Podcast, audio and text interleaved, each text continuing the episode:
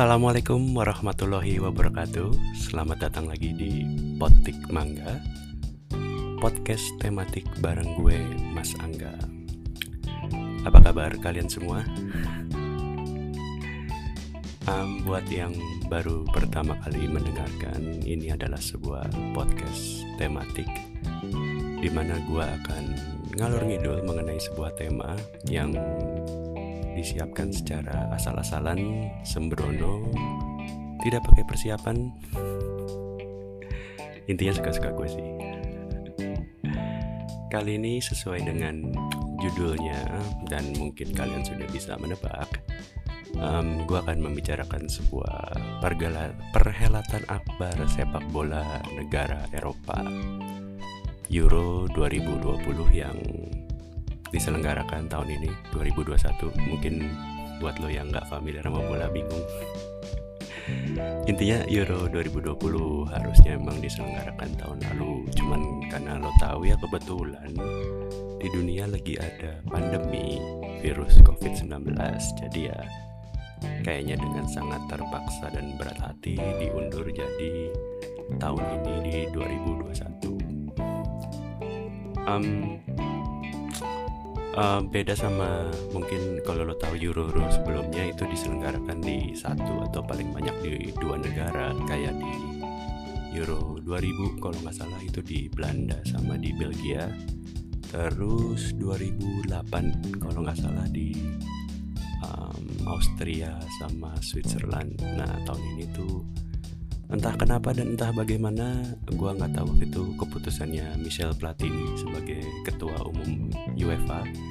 Itu dia bikin di 11 kota 11 negara 11 stadion.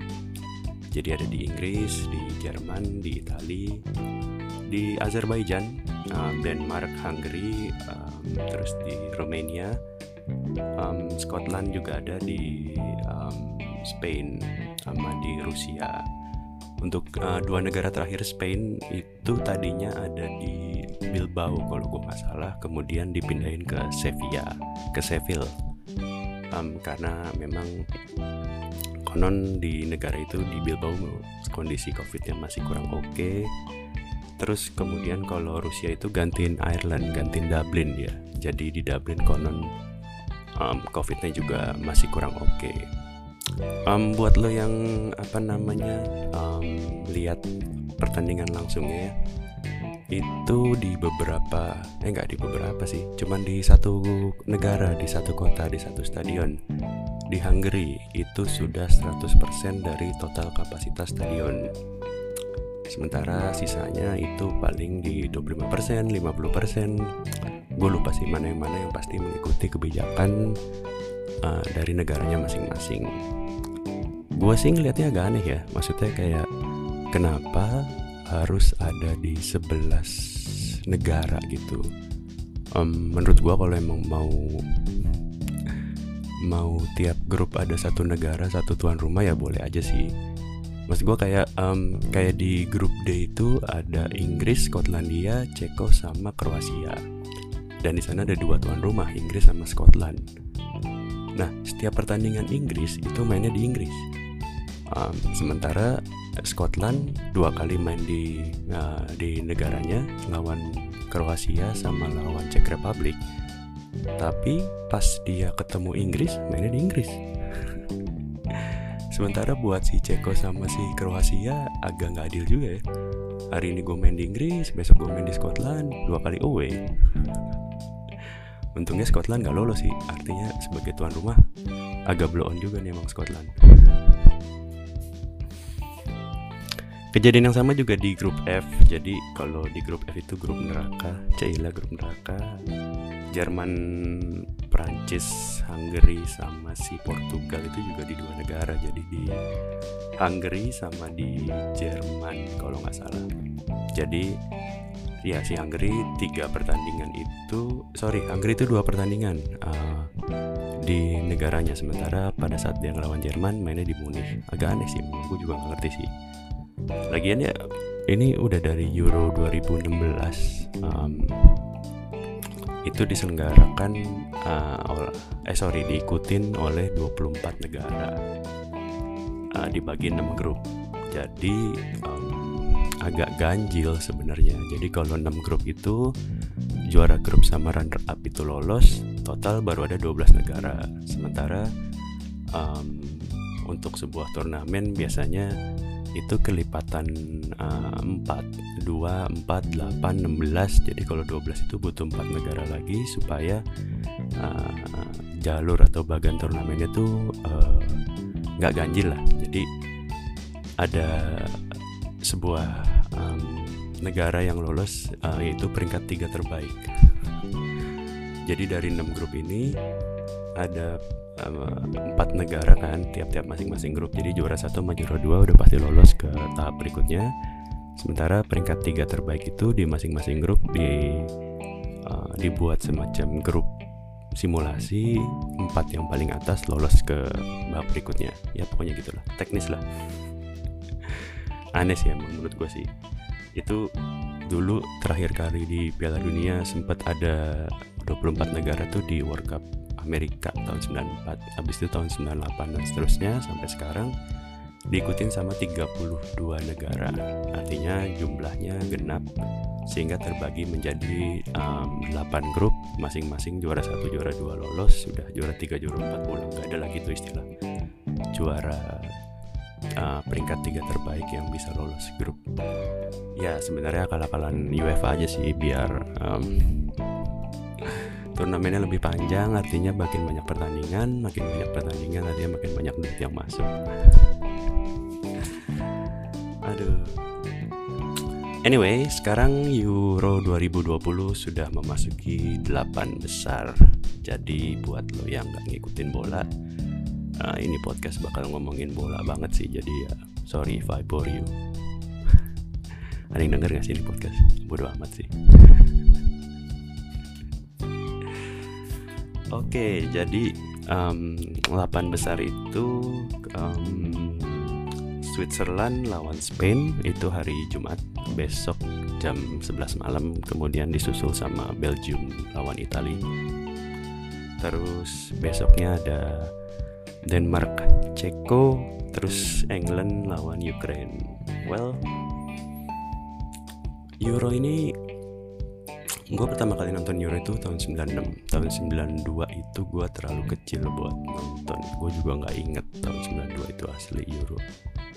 Um, bola turnamen yang pertama kali gue tonton tuh uh, World Cup 94 um, itu juga nggak nonton langsung artinya banyak siaran tunda highlight bahwa gue cukup ingat kayaknya tahun 94 tuh kali pertama gue tahu ada bola. Jadi entah kenapa hype-nya tuh luar biasa. Um, semua TV semua koran ngomongin bola. Di sekolah gue di SD gue tiba-tiba orang-orang pada main bola. Ya gue ikutan. Jadi ya pertama kali gue tahu sepak bola sih 94 dan gue mulai nontonin bola 94 nonton tuh gue nggak ngerti sih sebenarnya. Nggak ngerti itu maksudnya kayak um, ya gue tahu kalau gol itu satu gol satu kosong uh, skor itu gue ngerti. Cuman maksud gue kayak offside pelanggaran atau misalnya pemainnya cadangannya berapa atau misalnya ya gitu gitulah lebih teknikal um, tahu beberapa nama besar yang sering diomongin? Kayak um, di Italia ada Roberto Baggio um, Romario kemudian Diego Maradona. Tahun 94 masih main bola sebelum akhirnya kena doping. Ya gitulah. Um, tapi kalau Euro itu pertama kali tahun 96 um, Euro itu pertama kali gue beneran nonton bola. Artinya gue inget banget itu kelas 6 SD dan itu udah liburan um, habis Septanas kayaknya sih gitu. Jadi gue banyak begadang. Karena waktu itu di Inggris jamnya juga lumayan bersahabat. Kayaknya paling malam tuh jam 1 dan gue udah lumayan begadang itu gue nonton kok finalnya gue nonton semifinalnya. Um, dan Euro ini emang apa ya? Menurut gue Euro lebih aneh-aneh dalam hal hasil dalam hal permainan ketimbang World Cup. Um, maksud gue kecuali World Cup 2002 yang Jepang Korea sisanya kayaknya tiap World Cup lumayan normal. Di mana ya unggulannya tuh ya jarang banget ada juara yang non unggulan banget gitu oke lah misalnya unggulan pertama nggak juara tapi misalnya katakanlah unggulan ketiga keempat nggak jauh-jauh lah dari mungkin dari lima besar yang diunggulkan oleh uh, bursa atau para pengamat. Sementara kalau di Euro ya sejarahnya kayak tahun 92 itu yang juara Denmark. Denmark itu bahkan nggak lolos Euro 92 kenapa dia bisa juara Kenapa? Karena uh, Yugoslavia yang harusnya lolos pada saat itu tiba-tiba mendadak perang saudara.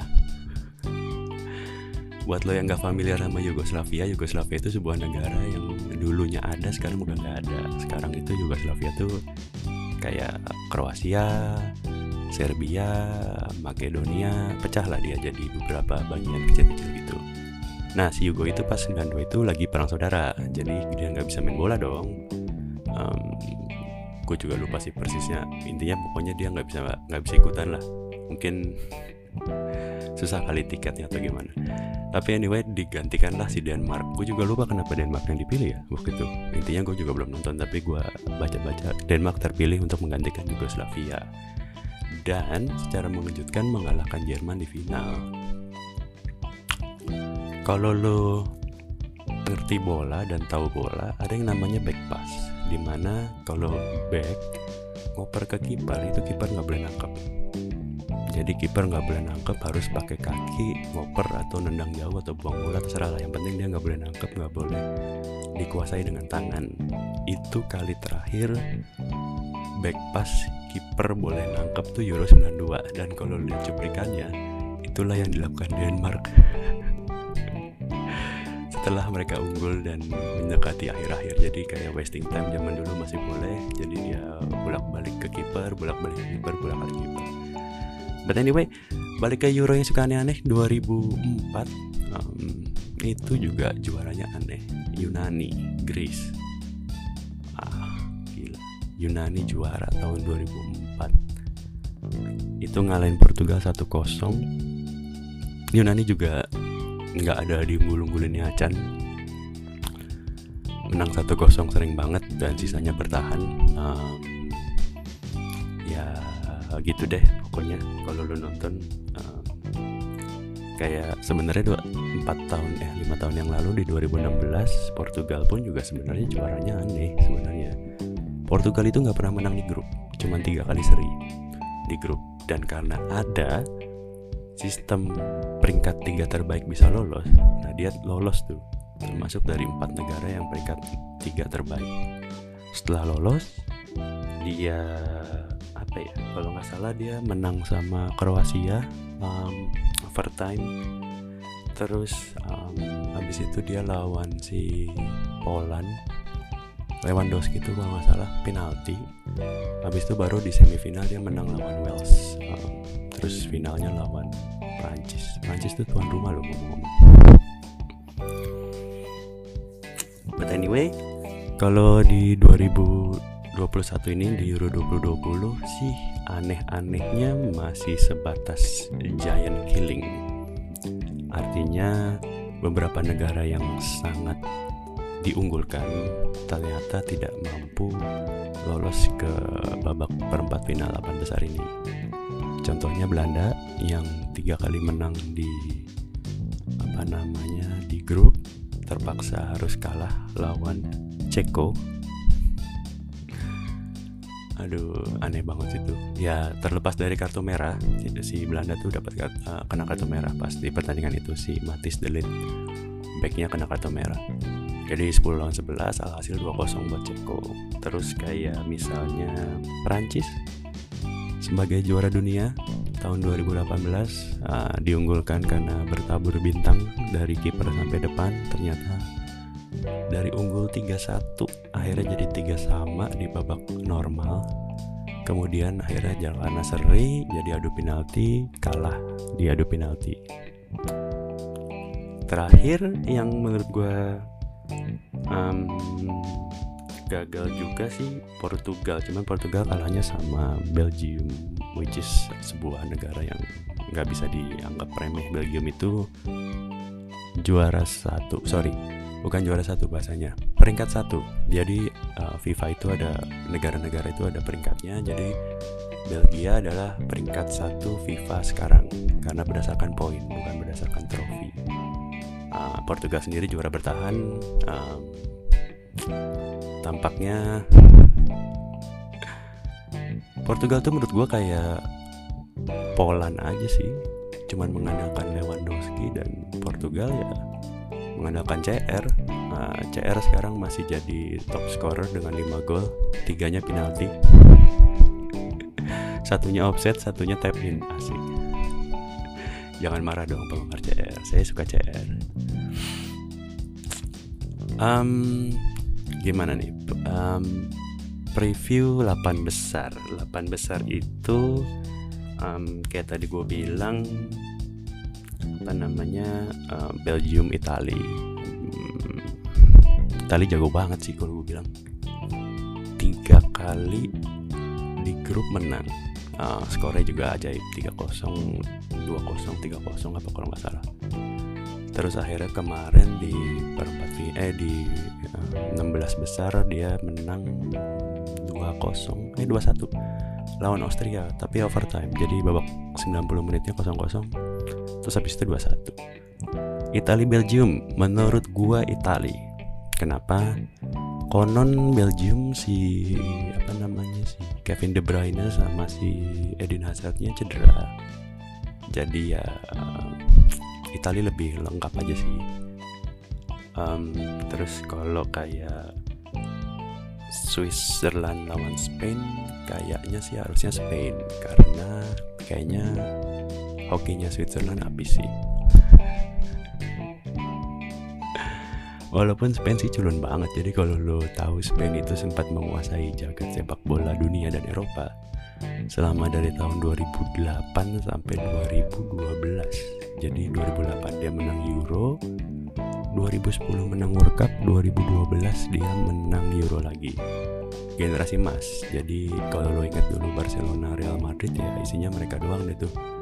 Plus strikernya kayak Fernando Torres um, David Silva dari Manchester City. Ya dari belakang tuh pokoknya udah bagi dua aja lah. Madrid Barcelona lah dari Casillas dan seterusnya Spain sekarang bahkan nggak ada pemain Real Madrid satupun.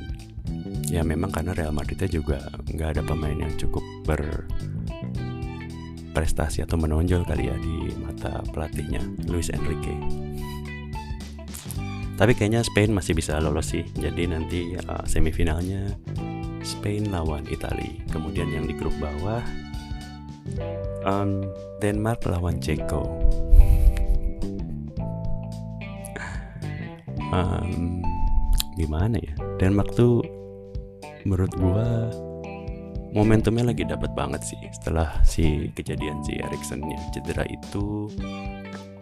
Um, mereka menang dan lolos grup lagi-lagi lewat peringkat tiga terbaik kalau nggak salah.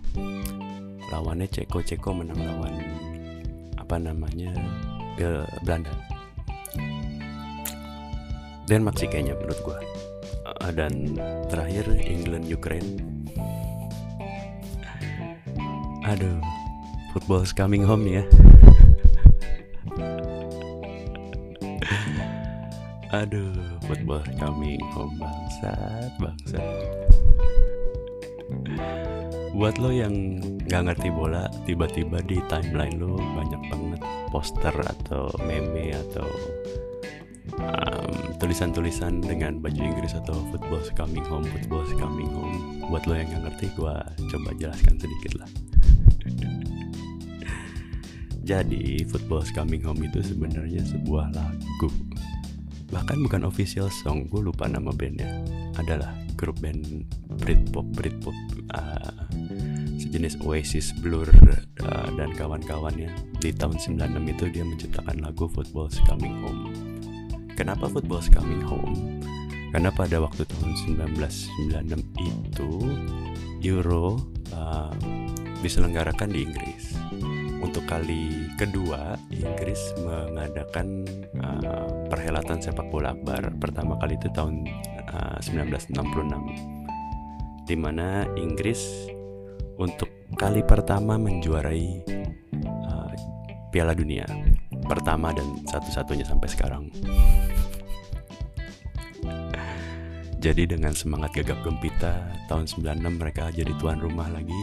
Uh, pegelaran sepak bola akbar mereka kayaknya percaya bahwa inilah saatnya Inggris meraih uh, juara lagi. Jadi kayaknya menurut mereka kalau nggak jadi tuan rumah kayaknya nggak jadi juara nih gitu deh pokoknya sejarahnya si football coming home itu. Nah kalau lu tanya emang kenapa football coming home? Emang rumahnya di mana? Ya menurut bapak-bapak dari Inggris itu Inggris lah yang pertama kali bikin sepak bola. Well konon sih permainan dengan bola atau yang menyerupai bola seperti saat ini sudah banyak dimainkan di berbagai penjuru dunia di Amerika Selatan, di Mesir, di China, banyak lah Cuman memang secara sejarah yang mencatat bahwa Inggris lah um, yang pertama kali membuat sepak bola yang mirip dengan apa yang kita mainkan saat ini, sepak bola modern lah. Dengan ukuran lapangannya, dengan per, uh, pemainnya, dengan aturannya, Inggris yang pertama kali membukukan. Ya lo tau lah orang-orang Inggris itu mungkin um, bingung mau ngapain, ayo kita main bola, um, aturannya kita sahkan dulu sebelum kita main. Jadi nggak kayak eh, orang-orang di belahan dunia lain yang kayaknya main ya main aja. Si Inggris ini kayaknya pertama kali yang bikin aturannya. Pertama kali juga bikin asosiasinya pertama kali juga mencatat uh, sejarah melakukan pertandingan resmi. Inggris juga yang secara resmi tercatat melakukan pertandingan internasional. Waktu itu Inggris lawan Scotland. Ya lawan tetangganya lah siapa lagi? Lo mau main bola? Ah, lo pasti ngajak tetangga lo lah. Lo mau main. Lu punya permainan nih baru ya kan? Lu masa ngajak orang jauh-jauh ya kan? Pasti ngajak tetangga lu dulu lah. Ayo tetangga mari kita main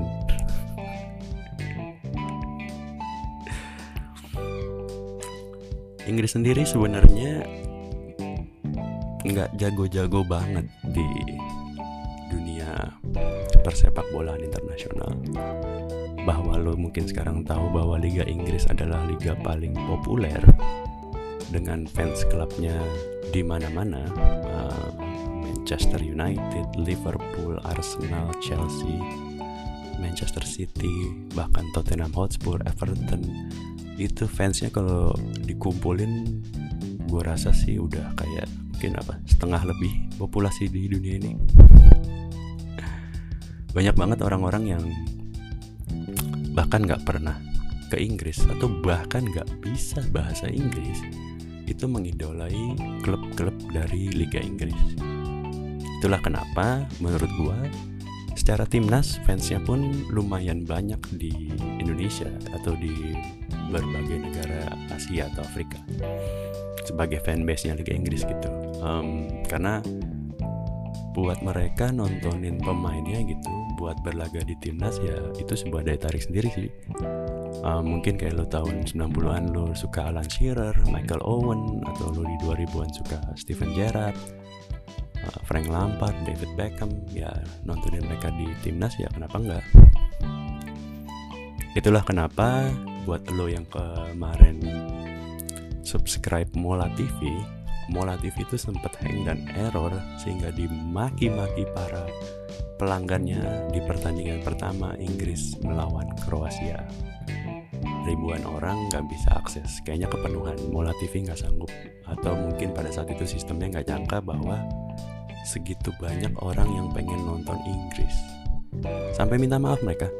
Kalau lo cek nggak tahu postingannya masih ada apa nggak, tapi intinya mereka minta maaf karena kejadian itu dan buat para pelanggan yang sudah subscribe sebelum pertandingan itu diberikan kompensasi 2 atau 3 bulan gitu. Segitunya sih si England dan football coming home ini. Jadi ya sebenarnya dari tahun 96 sampai mungkin 2016 football coming home sih nggak pernah segitunya ya. Karena memang timnas Inggris secara prestasi tadi gue bilang kacrut. Mereka bahkan belum pernah golangin mereka belum pernah juara Euro. Satu-satunya prestasi mereka di dunia internasional ya juara Piala Dunia tahun 66 di mana mereka jadi tuan rumah.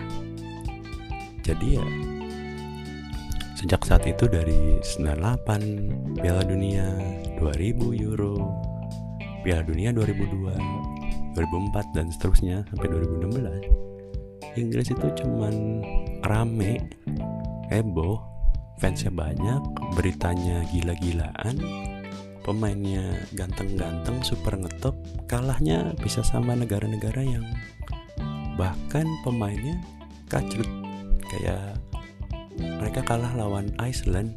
Iceland negaranya nggak nyampe sejuta penduduknya kalau nggak salah mereka kalah sama siapa ya? Mereka kalah sama Jerman sih udah biasa. Mereka kalah sama Brazil. Ya Brazil emang jago sih. Oh bahkan mereka nggak lolos.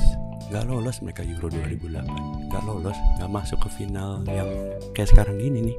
Kagak lolos dari penyisihan. Ya gitu dah. Pokoknya Inggris menyedihkan cuman tahun lalu eh sorry World Cup lalu tahun 2018 si England nih secara agak mengejutkan menurut gue setelah prestasi di 2016 itu kan kacrut banget tuh nggak kalah sama si Iceland itu tadi gue bilang. Mereka secara mengejutkan lolos ke semifinal Piala Dunia dibilang beruntung ya sepak bola butuh keberuntungan. Tapi ya buktinya mereka lolos. Mereka sampai semifinal. Ah, nyaris masuk final seperti biasa kalau di pertandingan-pertandingan yang penting Inggris seperti kayak lupa cara main bola. Emang kadang yang bikin yang pertama bukan berarti yang paling ngetop ya atau yang paling berhasil atau yang paling jago gitu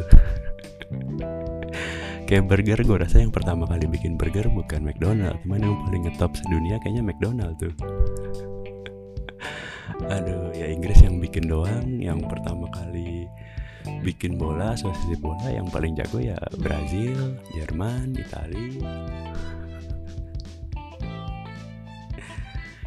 ya pokoknya sejak 2018 itu football coming home tuh mulai digalakkan lagi kayaknya oleh para fans don't get me wrong ya gue bukan yang nggak suka Inggris. Justru gue suka banget sama Inggris. Dari tahun 96 tuh ya kayak tadi gue bilang gue fans Manchester United. Tahun 96 gue lihat pemain Manchester United ada di timnas Inggris ya gue tonton. 98 eranya lebih gila lagi ada David Beckham, Paul Scholes, um, Gary Neville dan seterusnya.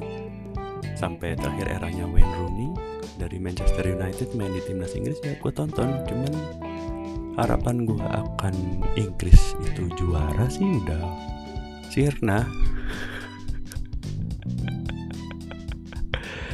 Asli udah sirna maksud gue um, ya tonton mah nonton aja. Udah nggak ada harapan apalagi kalau udah babak knockout ya. Kalau babak grup masih ada kemungkinan. Kalau udah knockout tuh kayaknya Inggris tuh lupa cara main bola gitu apalagi sekarang dengan skuad yang menurut gua jauh banget dibandingin dulu zaman era kemasan gitu. Bayangin dulu lini tengahnya ada Paul Scholes, Steven Gerrard sama Frank Lampard. Di depannya Wayne Rooney sama Michael Owen. Belakangnya Ferdinand John Terry. Dan mereka nggak juara. Gila lu ya apalagi sekarang yang cuman mengandalkan Declan Rice sama Calvin Phillips Declan Rice sama Calvin Phillips. Cuman sekedar West Ham sama Leeds United. Ya Allah. Ya Allah. Ya Allah. Cuman ya sisi baiknya adalah secara undian dan pool secara turnamen bagan turnamen Inggris ini lumayan diuntungkan kalau mau disebut begitu karena memang um, Inggris itu lawannya Ukraine dan kalau dia menang semifinal itu akan melawan Denmark atau Ceko. Artinya di atas kertas uh, peluang Inggris untuk masuk final lebih bagus karena di sisi atas itu masih ada Belgium, Italia, Spain sama Switzerland dibandingin ngelawan Italia sih mendingan lawan Ukraine atau lawan Denmark atau lawan Ceko gitu. Males banget kalau lawan Italia Belgium atau Swiss eh, atau Spain kan. Pasti lebih enak gitu. Ya lagi-lagi secara undian di atas kertas sih Inggris sangat sangat berpeluang. Paling tidak sampai final. Masalah di final nanti ketemu Belgium ketemu Italia atau ketemu Spain ya nasib-nasiban aja lah. Cuman ya itu di atas kertas lagi-lagi kan seperti lo tahu juga di atas kertas harusnya di atas kertas juga Ceko harusnya menang lawan Belanda. Juga di atas kertas harusnya si apa namanya si siapa namanya Switzerland nggak lo eh, nggak menang lawan Prancis. Cuman ya itulah sepak bola. Jadi kalau ditanya masih dukung Inggris apa enggak? Dukung sih ya tonton aja menang syukur nggak ya udah. Ya dukung Inggris tuh mungkin sama kayak dukung Arsenal gitu. Ya sudah gitu mau peringkat 10 mau peringkat 8 menang syukur nggak ya udah biasa. Jangan marah dong Pak Arsenal. Tenang tenang tenang. Arteta jago Arteta. Siap siap siap siap ah sudahlah udah 30 menit udah kelamaan gue ngomong nih ngalur ngidur nggak jelas ya intinya buat gue Euro 2020 juaranya siapa nah, menurut gue sih Itali Thank you for listening. Kita tunggu apakah prediksi gue benar. Sampai ketemu lagi di episode berikutnya. Wabillahi taufiq wal hidayah. Wassalamualaikum warahmatullahi wabarakatuh.